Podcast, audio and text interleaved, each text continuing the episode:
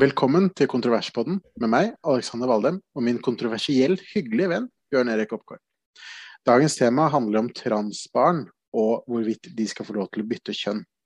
I dag er lovverket sånn at det er lov for en person mellom 6 og 16 å bytte kjønn juridisk, altså i form av pass, samt begynne på pubertetsblokkere i samråd med foreldre. Mellom 16 og 18 år kan alle gjøre dette uten samråd eh, med foreldre, og fra man er 18 kan man bytte kjønn ved hjelp av kirurgi. Hva tenker du om reglene slik de er i dag, Bjørn Erik?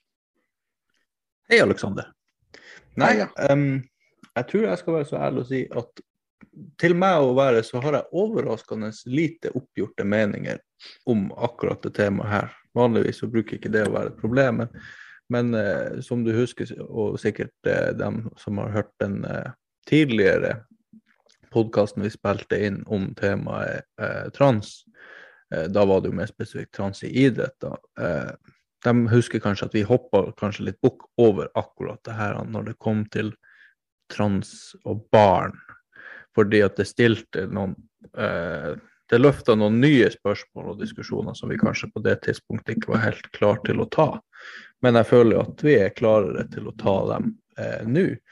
Eh, og ved første øyekast så vil jeg si at lovverket sånn som det er per nå, virker som at det eh, har en slags balanse i seg. At det er ikke Altså du har den her råderetten til barnet, til familien, eh, samtidig som det åpner opp for noen tilfeller, men du skal ikke kunne gjøre irreversibel behandling før du er myndig. Så jeg vil jo si at som sagt, med første øyekast så, så ser lovverket ut til å være utforma på en fornuftig måte.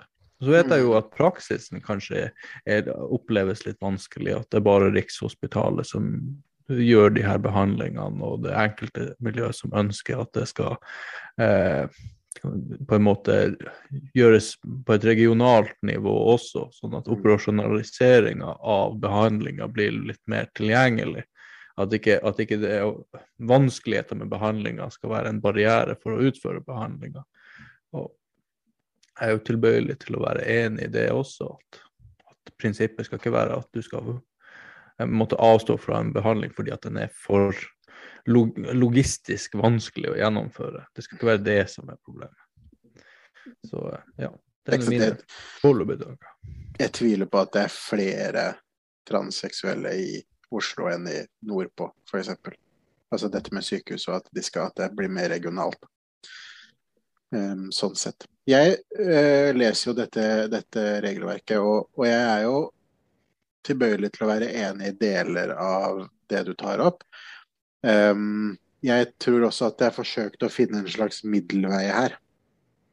Um, samtidig så jeg, Til denne episoden så har jeg prøvd å lese meg opp på hva de konkrete eh, konsekvensene er da, av å ta sånne hormonblokkere. For jeg tenker at konsekvensen av å bytte kjønn i passet veldig, veldig lav.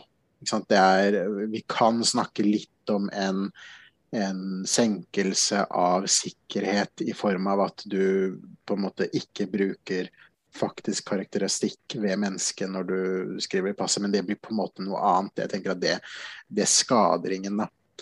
Um, som sagt, jeg har prøvd å finne litt sånn artikler på hva som skjer når mennesker tar disse hormonblokkerne.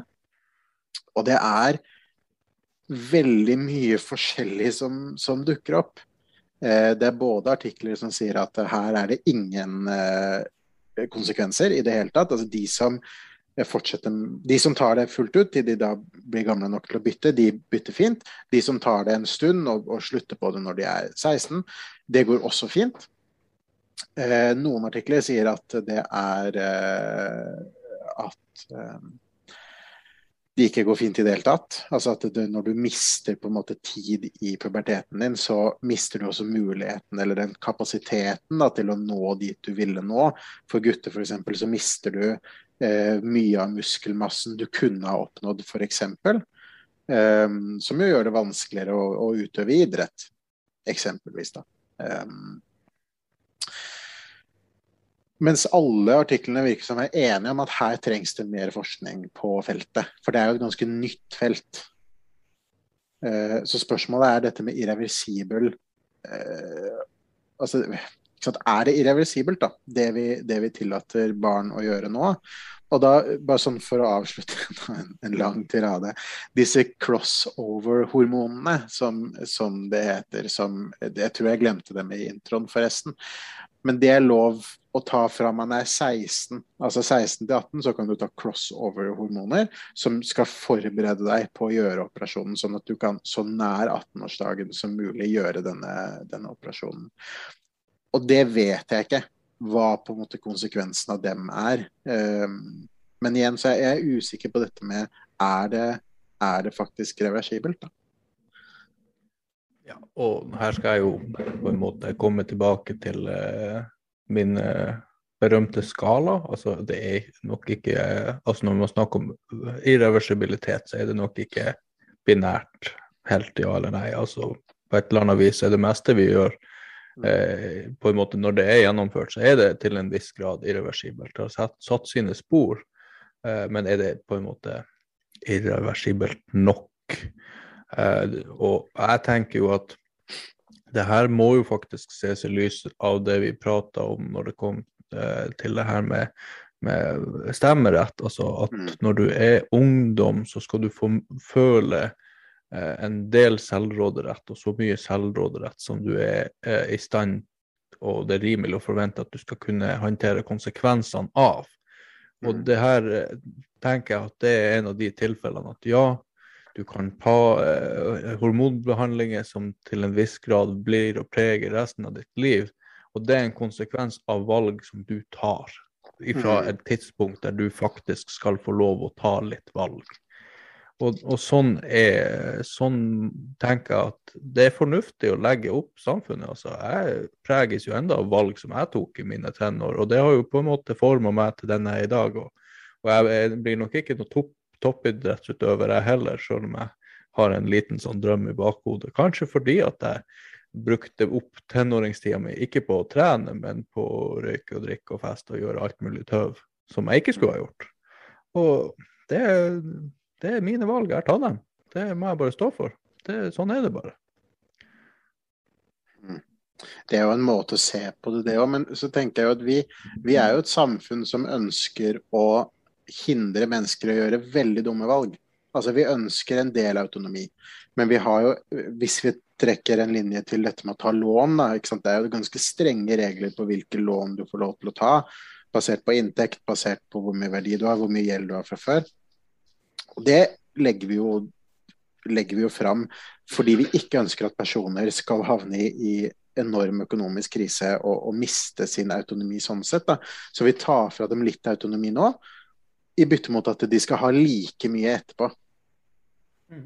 Um, så spørsmålet da er jo egentlig havner Havner denne trans Altså transisjoneringen, havner den på innenfor den autonomien som man syns at barn bør ha?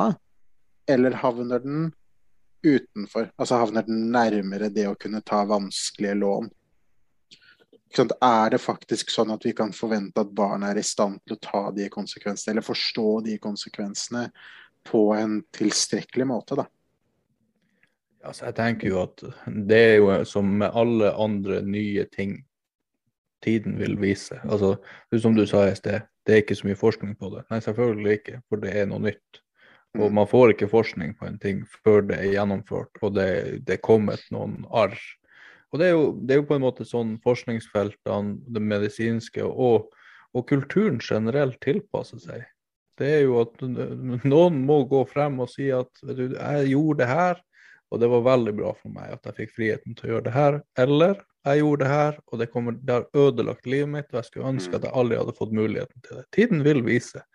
Så det er, jo, det er jo veldig vanskelig å si på et sånt her tidspunkt. Men, men liksom, vi er jo litt sånn konservative begge to på akkurat det her. at Eh, at eh, det er kanskje ikke lurt å rive ned for mange barrierer for, for å åpne liksom for flommen mm.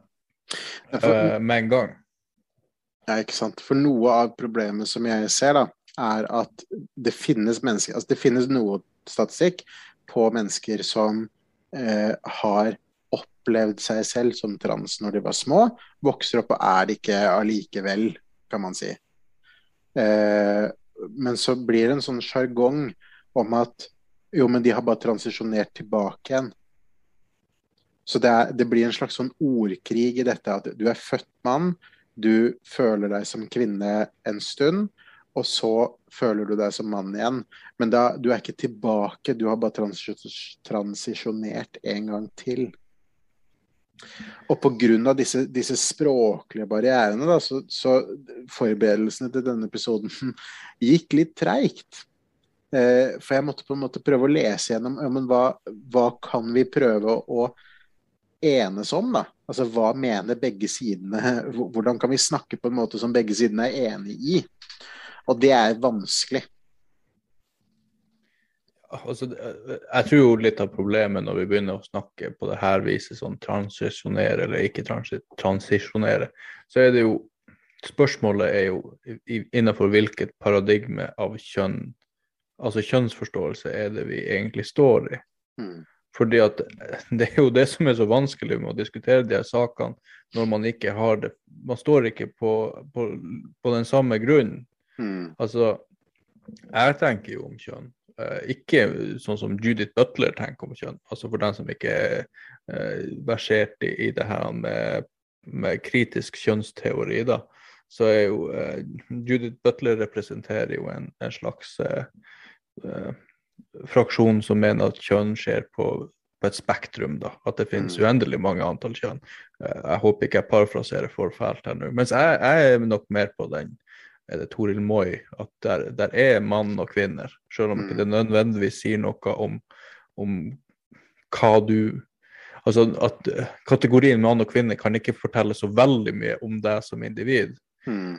Og det, det, tenker jeg at, at, at, kjønn det skjer på det er sånn binært. Mann, kvinne, og så har du de som av ulike årsaker ikke kan plasseres i den kategorien kall det tvekjønna, eller Det er utrolig vanskelig å holde tunga i rett munn når man snakker om det her, fordi kategoriene og benevnelsene endres hele tida i tråd med mm. kjønnspolitikken. Men, men, at du har mann og kvinne, og så har du dem som sliter med å finne sin kategori, da. Um, og det Jeg tror jo at det, det at det er så ulik forståelse av kjønn, Mm. gjør jo det her når vi skal begynne å prate om nei, det er retransisjonering eller retransisjonering eller, eller hva det nå vil være. Altså, jeg vil jo si at, at en som opplever denne transisjonering og retransisjonering som du prata om i sted, mm. egentlig gjennomgår en tenåringsfase av livet sitt hvor man rett og slett skal finne ut av sin identitet. Og er utrolig, det er en utrolig vanskelig greie for mange. Ja. Og, og, og, det å finne seg sjøl i tenårene er krevende.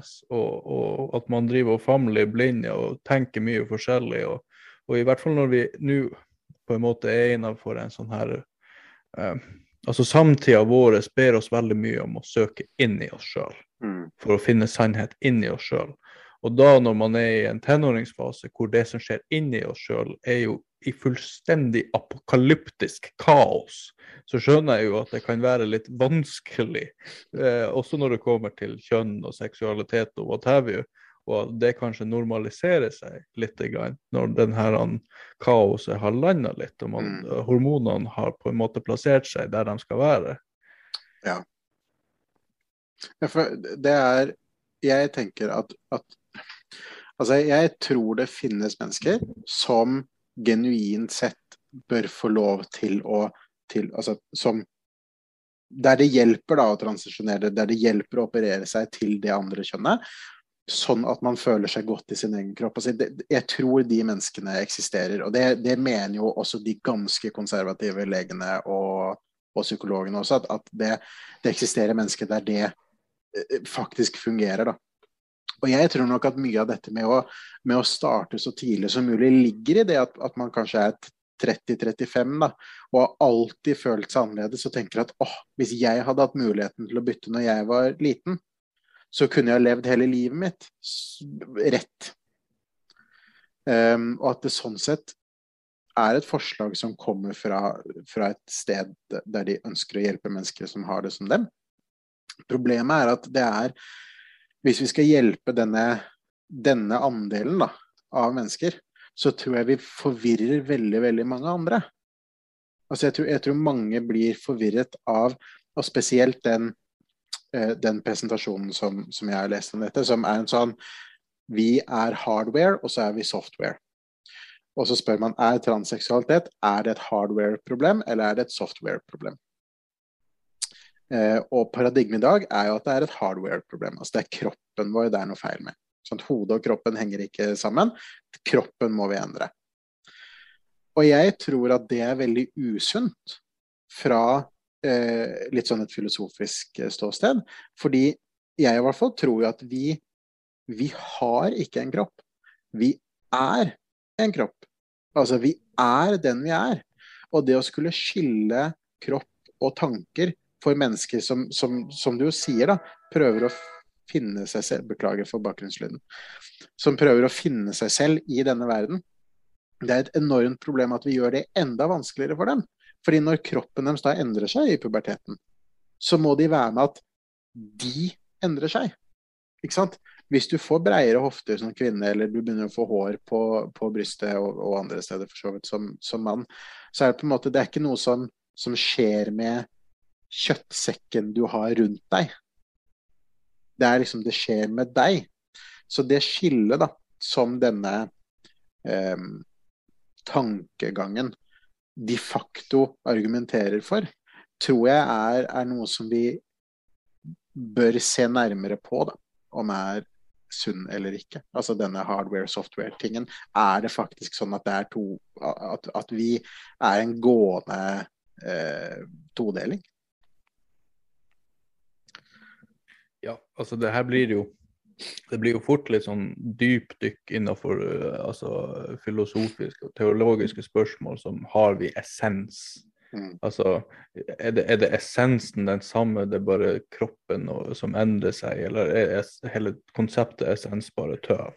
Og er, er, liksom vi mennesker, er vi bare, tenker vi som vi tenker, og er vi som vi er kun basert på biologi og kjemikalier i hjernen og sånne ting? Altså det, det er liksom Ja, nei. Det, jeg, skal, jeg, tror ikke vi skal gå så forferdelig dypt ned i akkurat det der. Men jeg tenker jo at her er jo en, her er jo en annen diskusjon også, eh, i tillegg til det her lovverket. Mm. Og det er jo Altså, vi er jo kontrovers på den, så det er jo jaggu på tide at vi må begynne å si noe kontroversielt igjen. Uh, og jeg tror jo Jeg leste jo en artikkel i Aftenposten for et, et års tid tilbake. Mm. Og det er jo Hva skal vi ofre på det her bålet for å inkludere alle. Mm. For, for, altså Hvis vi kan si det på denne måten, at det er vanskelig å være tenåring for absolutt alle. Det er ingen mm. som har det lett med å være tenåring. Noen har det lettere, men ingen har det lett. Eh, og så kan man jo si at de her på en måte normer og narrativ og fortellinger om det å være mm. tenåring, om det å være gutt og det å være jente, det kan være undertrykkende for noen. Men det kan også være en, en veiviser, en retningsleder for veldig mange andre. Mm. Eh, og det, er, det jeg frykter, er jo på en måte tilbøyelig til å være litt tradisjonelt anlagt. Det jeg frykter, det er at vi tar fra veldig mange ungdommer muligheten til å finne, finne rettledning i livet med at vi tenker at vi skal dekonstruere det her med kjønn for å inkludere alle. Mm. Og, og, da må man på en måte se på Koster det mer enn det smaker, egentlig? Mm. Altså, er det sunt å ikke ha noen på en måte eh, Altså kulturelle eh, maler man kan prøve å forme seg sjøl etter for å finne ut av en forholdsvis vanskelig tilværelse. Altså, jeg, jeg, føler at det kan være litt dårlig gjort overfor alle de her ungdommene at alle må finne opp kruttet på nytt mm. alene. Gang på gang på gang, når de, mange av dem kanskje ikke hadde trengt å gjort det. Jeg er helt enig. Altså, det er Vi har kulturelle rettesnorer å, å lene oss på. Um, så hvorfor kutte dem og slutte å bruke dem? Det hadde vært veldig mye lettere å, å fortsette å bruke dem. Um, og det, jeg tenker jo For jeg når jeg tenker bakover på, på, på min egen barndom, for jeg er jo en ganske feminin mann, egentlig. Jeg er veldig glad i, i typ mote, klær, pynte ting rundt meg, glad i å se fin ut.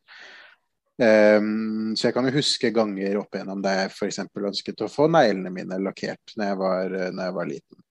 Um, og så hadde jeg en periode når jeg var sånn 13-14 kanskje, der jeg tenkte, på, tenkte tanker om hvordan er det å være mor. For jeg, jeg, var jo ganske nær min mor. Jeg er jo fremdeles nær henne, da, vel å merke. Um, og tenkte på at det er litt sørgelig at jeg aldri skal få kjenne på følelsen av å være mor. For jeg skjønte at det er en annen følelse enn det å være far. Men jeg er jo veldig veldig glad for at ingen tok meg med og sa jo, men du kan bli mor. Så det er bare å gjøre disse byttene, så kan du også bli mor en dag. Eh, det faktum er at nei, du, du, kan ikke det. Du kan se ut som en kvinne, men du kan ikke bli gravid og føde. Du kan ikke produsere melk. Ikke Disse tingene er låst for deg fra fødsel. Så det er mye bedre da å bare bli fortalt at jo, men du, du er en gutt som kanskje liker ting som ikke mange andre gutter liker. Um, og det er helt greit. Men det gjør deg ikke noe mindre gutt. For det, det er jo litt den, den mørke siden da, ved dette. Dette at vi, vi sier at nei, du er såpass lite gutt, du, du som har lyst til å gå med kjole og pynte neglene dine, at du, du er nok noe annet. Ja, altså det er ikke sånn skal vi si, Det er ikke sånn typisk altså, det er jo litt, Jeg har jo uh, fått litt sansen for Carl Jung og den her erketype teorien, da. Mm. Det er litt sånn der shakespeariansk at uh, hele verden er en scene, og vi spiller bare alle våre roller. Mm. Og så har alle de her rollene eh, sine optimale uttrykk, og så har du sine sånn suboptimale uttrykk, om du vil. Mm. Og jeg syns jo det er litt interessant å høre om, om din uh, ungdom. fordi at den er litt sånn forskjellig fra min, men ikke så veldig forskjellig. For jeg òg var en veldig sånn sensitiv gutt. Mm. Uh, som vokste opp i et område hvor kanskje det her med sensitivitet ikke ble satt så veldig stor pris på. Mm. Uh, og samtidig så, så, ble jeg jo oppfostra med mye gamle folk rundt meg, så jeg fikk veldig mye sånn input om hvordan man skulle være og hva som var rett. Og liksom opplevde egentlig kanskje når jeg kom på skolen og ble ungdom, at det her å gjøre det som var rett, å være sånn speidergutt, det var noe å forakte. Uh, og måtte liksom undertrykke det og, og den her sensitiviteten, og på en måte uh, heller adoptere en sånn hypermaskulin og aggressiv tilnærming. Mm. Og det var ikke før jeg ble ganske mye eldre og møtte folk som enda hadde klart å bevare liksom den her Eh, rette måten å være på, og denne sensitiviteten, at det ble aktualisert for meg at å ja, jeg trenger ikke å være så sint, og jeg trenger ikke å være så aggressiv. Jeg kan mm. faktisk være, være eh, litt speidergutt. Det er helt, helt, akseptabelt å være på det viset. Mm. Og jeg tror jo at det at det var noen som på en måte viste meg den veien, mm. eh, gjorde det jo veldig mye enklere for meg å se den veien. Og det er jo det jeg tenker at det å ha altså gode rollemodeller for hvordan man burde være som gutt og som jente, det kan, det kan, det kan spare veldig mye ungdom fra å ha det ganske forferdelig oppveksten. Så jeg, jeg jo, uten å skal bli for personlig, så har jeg jo slitt med ganske heftig depresjon i ganske mange år opp gjennom oppveksten, hvor mm. man egentlig eh, gikk til sengs med å ikke hadde lyst til å leve, og våkna med den samme tanken, og det, det, det bare avtok aldri. Og det, det, er litt sånn, Hvis jeg kunne vært forskåna det, så hadde det vært greit. Hmm. Ja, for Du tenker da at det har noe med den, den um, um, usammenhengen da, mellom deg og med verden rundt? Altså Du på en måte ønsket å være på en måte, og verden rundt tillot deg ikke det? Er det litt det du sier. Ja, det, det, kommer nikk da, fra de som hører på dette som er eksklusivt en podkast. Kjempe, kjempelurt. Og... Ja, men, ja, men, jeg mener det. At, at, det var litt sånn eh, Ja, jeg, mm. jeg følte at eh, min eh, litt sånn måte å være gutt på, på en måte I fravær av at det var noen som demonstrerte at det var akseptabelt å mm. være en, en litt sånn småsensitiv gutt, Uh, og at det er et helt normalt kjønnsuttrykk for en gutt mm. å ha det. Altså det her å være hypermaskulin hele tida, det er jo ikke det. altså Man kan jo gjerne kalle det toxic masculinity, eller hva man kan kalle det, selv om jeg syns det er et absurd begrep. Men det at man har integrert både maskulin og feminin del av sitt kjønnsuttrykk er jo normalt. Det er jo det som er sunt. Og hvis ja. man ikke kan ha en normal, og man ikke kan ha en sånn sunn ledestjerne som man kan se opp til og kan vise vei, mm. så er det utrolig vanskelig å skal finne frem til det kjønnsuttrykket sjøl. Og for at ja. man skal kunne ha det der som viser vei, da må man ha en kjønnsnorm. Du må ha, du må ha det akseptabelt og si at det her er normalt. Det her er mm. bra. Det er sånn det, det, er sånn det ser ut når det er bra. Mm. Altså, jeg tror også det handler mye om hva vi, hva vi legger i det. Altså, jeg har sett flere øh, før denne episoden har sett flere foreldre som kommer på, på TV og sånn i England, i USA, og som, som blir intervjuet om hvordan de på en måte skjønte at barnet deres var transseksuelt. Og her er det mennesker som sier at barn nede i sånn to og et halvt års alder da, er transseksuelt. Um, og det er gjerne sånn jo, nei, han ønsket å gå med kjole, og han likte barbier og, og, den type ting. Jeg tenker jo at det hadde vært mye sunnere hvis vi, hvis vi tok tiden til å spørre barnet om hva betyr dette. Uh, jeg gjetter jo på at Jeg aner jo ikke, men, men jeg gjetter på da hvis noen eh, Hvis min sønn eh, kommer til meg når han blir eldre og sier at jeg har lyst til å gå med kjole, så kan jo jeg spørre han jo, men ok, hva, hva, hva ligger i det, da? Altså, hva, hvorfor har du lyst til å gå med kjole? Og jeg tror nok at mange vil kjenne på et, etter en litt sånn samtale Det kan godt hende at han bare vil gå med kjole, og da tenker jeg skal selvfølgelig få lov til å gå med kjole. Men jeg mistenker at veldig veldig mange barn som kommer med den, den setningen, egentlig har lyst til å pynte seg. For guttebarn kan ikke pynte seg så lett. Det er typ mørke joggebukser og ei skjorte. Og det ligner ikke så Altså det ligner for mye da, på det man har på seg til vanlig.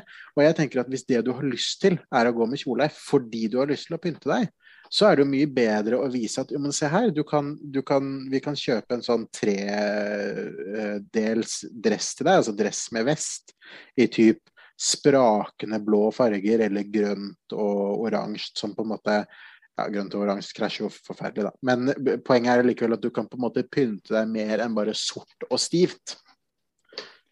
Og jeg tror at, altså- at det, det, å følge de kjønnsretningene da, kan være mm. sunt. Det å på en måte skjønne hva ligger bak, og så mm. gjøre det. Men fremdeles beholde den tanken om at For, for det er en forskjell mellom kjønnene. Mm. Ja, altså at du, du, på en måte kan vise eh, mandige uttrykk for femininitet. Hvis man kan si at det å pynte seg er noe feminint.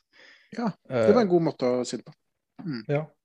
Altså Motsatt for meg, da, som har en datter, så tenker jeg jo at hvis Altså, jeg, jeg har jo ikke noe problem med at min datter adopterer eh, sånn maskuline interesseområder. Men det er jo ikke så rart, fordi at både jeg og hun jeg bor med, har liksom Vi liker å dra på tur, og vi liker å på ja, jeg har jo akkurat begynt å like å dra på jakt, hun har jo jakta lenge. og alt sånt der. Så det er litt sånn vanskelig å si hvem det hun blir å ta etter i, i så tilfelle. Men, men at det, det, er litt sånn at hun jeg bor med, hun har jo altså, Hun er jo veldig feminin, men hun har jo integrert maskuline sider også. Altså, det er jo det jeg tenker, at man må ha integrert maskuline og feminine sider i sin personlighet. Og så kan man vise de altså Det blir jo kanskje strengt å si de rette uttrykkene, men de typiske uttrykkene for for de tingene mm. som uh, ungene har lyst til å gjøre.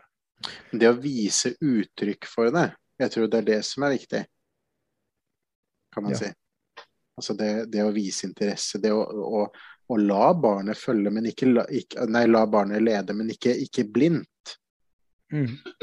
Um, man må på en måte skjønne litt hva som, hva som ligger i det. Mm. Ja. Um, jeg tenker jo, for nå uh, Vi er jo snart en halvtime inn i episoden. Uh, mm. Og tenker at vi kan snakke litt om Syns vi at barn skal få bytte? Altså at vi kan endre lovverket til mer Kall det liberalisering, da.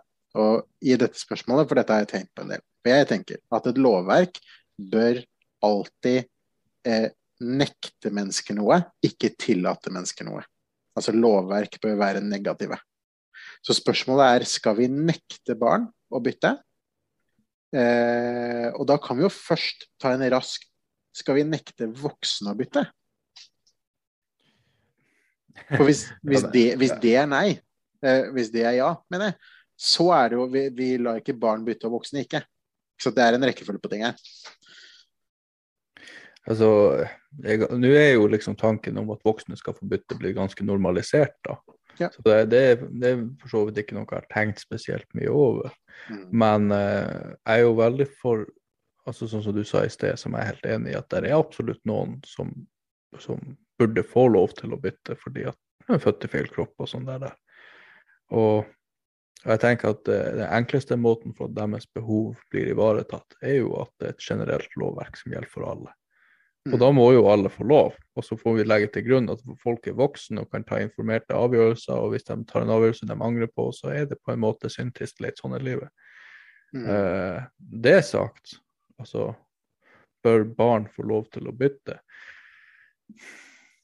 Da, da, jeg, altså, da, da, legger man til grunn at noen som ikke er i stand til å ta en informert avgjørelse, skal få lov til en ting. Og jeg tenker at hvis det skal være tilfellet, så må man ha en test som mm. kan si med en viss grad av nøyaktighet at det her barnet er født i feil kropp.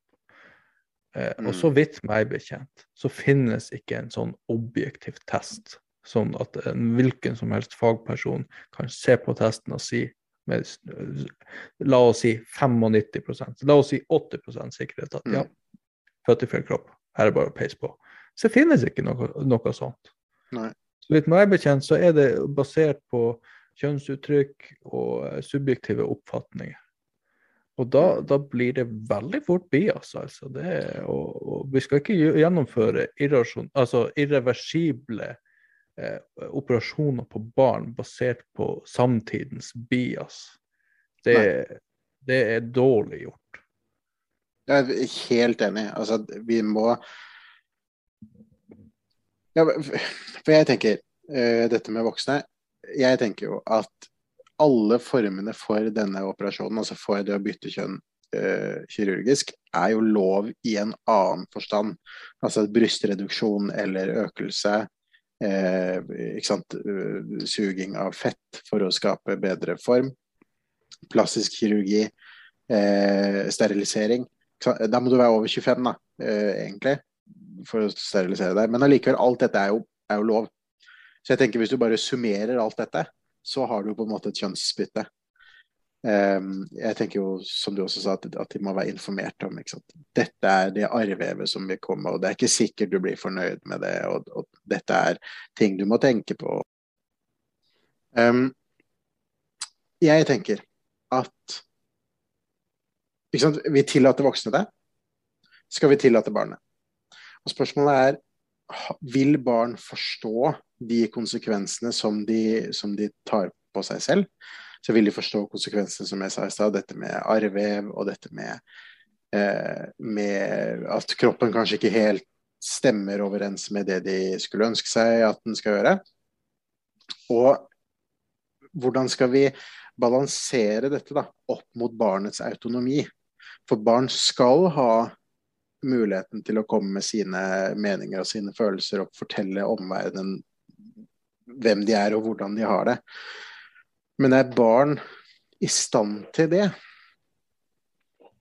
Jeg vet ikke, Hva, hva tenker du om det? Altså, vi, hvis, hvis, vi skal tillate barn dette, da, så må vi også de facto legge til grunn at de kan det, sånn som du også sa. Uh, ja, nei, jeg, jeg, tror jeg har gjort mitt standpunkt på det her veldig klart at det mener at de ikke kan. Og vi kan ikke legge til grunn at de er i stand til å gjennomføre et informert samtykke på de her tingene. Ei heller å måtte ta konsekvenser for resten av sitt liv av valg de tok når de var barn. Vi, har, vi gjør jo et prinsipp i mange saker på at barn skal forskånes de verste konsekvensene, og dermed så kan de ikke være helt autonome i de alvorligste valgene, og det her inkluderer det. Hmm. Hmm. Fordi ofte så sammenligner man jo dette litt sånn med abort, spesielt når man snakker om at det er en, en operasjon på en ellers frisk kropp. Altså det er jo det som er manges argument mot, er at dette er en operasjon på en frisk kropp. Vi bør la det være. Det er, og så sier jo de som er for det å kunne bytte kjønn, at jo, men det er abort også. Abort også er en operasjon på en ellers frisk kropp. Um, der er det jo uh, ingen nedre aldersgrense, men du må ha foreldres uh, samtykke uh, hvis du er under 16. Jeg er jo tilbøyelig til å være litt uenig. Der er, altså, vi utfører jo per dagens regelverk bare senabort der det er et snev av medisinsk forankring bak det. Det er jo vel derfor du må opp for en nemnd. Jo, men ikke, ikke, ikke senabort. Jeg tenker abort generelt. Generelt, ja. Nei, men da, da, blir det jo definisjonen på hva er forskjellen på et foster og et menneske. og Det, det trenger vi ikke å ta nå. Nei, nei, igjen, eh, jeg kan, jeg kan presisere det mer. Altså, det vil jo være en operasjon på moren også. ikke sant? Du gjør en, mm en inngripelse i en frisk kropp, altså morens kropp. Jeg er enig. Abortdiskusjonen har vi tatt allerede. Mm. Um, men så, så, blir det spør altså, Hvis en 16-åring kan ta abort, da, bør en 16-åring få lov til å bytte kjønn? Det er egentlig det jeg spør om. Kokt mm. ned til, til, sin essens. Uh, svaret er nei. Svaret er nei. Uh, Kort og konsist. Ja, altså, en, abort er jo selvfølgelig en kjempealvorlig uh, og, og, vanskelig avgjørelse å ta, som du også må ta konsekvensen av for resten av ditt liv. Men for å si det sånn, hvis du tar abort og du angrer på det, så er det noe du må leve med for resten av livet. Men mm. du kan også få flere barn. Du kan angre deg, og så kan du få flere barn. Hvis du har mm. gjort, gjennomført irreversibelt, eh, irreversible eh, grep og skifta skjønn, du vil aldri kunne reprodusere. Altså, jo, hvis du, hvis du, er mann og fryser ned spermen din og alt sånt der, men, men allikevel, altså på ordinært vis så vil du aldri kunne reprodusere. Altså det, det, er ikke bare å angre seg og bare sånn Ja, nei, det skulle jeg aldri ha gjort. Jeg vil ikke gjøre det flere ganger. Nå er det, gjort. Det er for sent. Ja. Vi snakka tidligere om å ta et lån. Et lån kan nedbetales. Du kan få en nedbetalingsplan, og du, du, har gjort et kukstykke, og du har tatt et lån opp etter ørene, men med hardt arbeid, det kan nedbetales. Mm. Det her er snakk om et inngrep. Når det er gjort, så er det gjort. Du, du, og du skal kan, kanskje antageligvis leve til du er godt og vel 80 med, med, den konsekvensen av et valg du tok når du var 14-15-16. Mm. Nei, det, det, er en forskjell. Jeg mener at kan, Det er ikke sammenlignbart engang. Nei. Nei, ikke sant. Jeg er jo tilbøyelig til å være enig i det. Altså det at, at situasjonens alvorlighet også er med på å bestemme hvorvidt man skal få lov eller ikke. Um, og det er jo en alvorlig situasjon. Altså det, er, det, det, er, en situasjon som man må ta på alvor, som vi jo prøver å gjøre da med, med alle temaene vi, vi har på, på podkasten. Uh, men så Jeg tror det ligger en sånn Det ligger en argumentasjon der da, som jeg kanskje er litt svak for det, men, men litt den kan vi ikke være barmhjertige? Kan vi ikke være snille? Og jeg, jeg, har jo selvfølgelig et problem med når vi definerer snill som Altså hvis du ikke kaller den skjeggete mannen for henne i denne pronomendiskusjonen, så er du ikke snill. Samtidig så det, det, blir, det blir jo ikke jeg kan allikevel på en måte forstå ønsket, da. Altså jeg kan forstå behovet til de som ikke kjenner seg igjen i sin egen kropp, til de som ønsker noe annet av seg selv om seg selv. Og, og jeg ønsker jo da selvfølgelig å hjelpe dem. Um, og så er det jo litt sånn paternalistisk å si at jo, men du veit ikke selv hva du egentlig trenger hjelp med. Men det er kanskje det vi bare må si.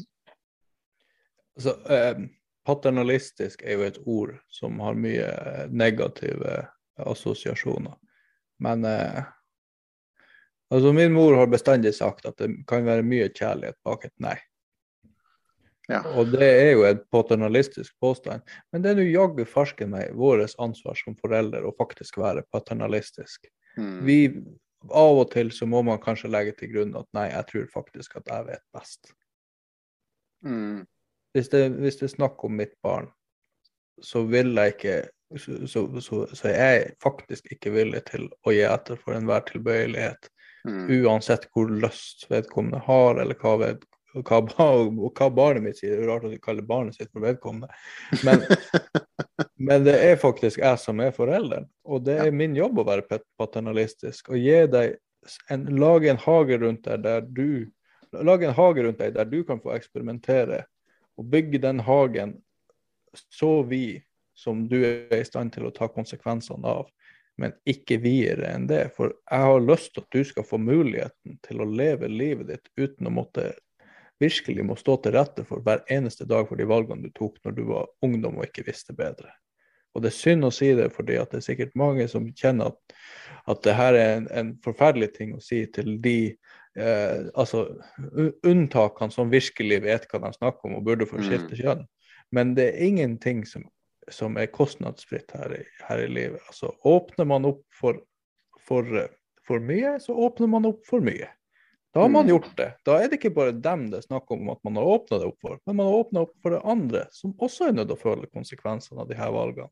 Mm. Og hadde vi snakka om noe annet liberalisering Altså, Nå har vi jo liberalisert eh, for mopedkjøring, mopedbiler og uteveier, og her oppe i Alta så merkes det nå veldig at det er jaggu ikke alle 16-åringer som er i stand til å ta ansvaret for et kjøretøy.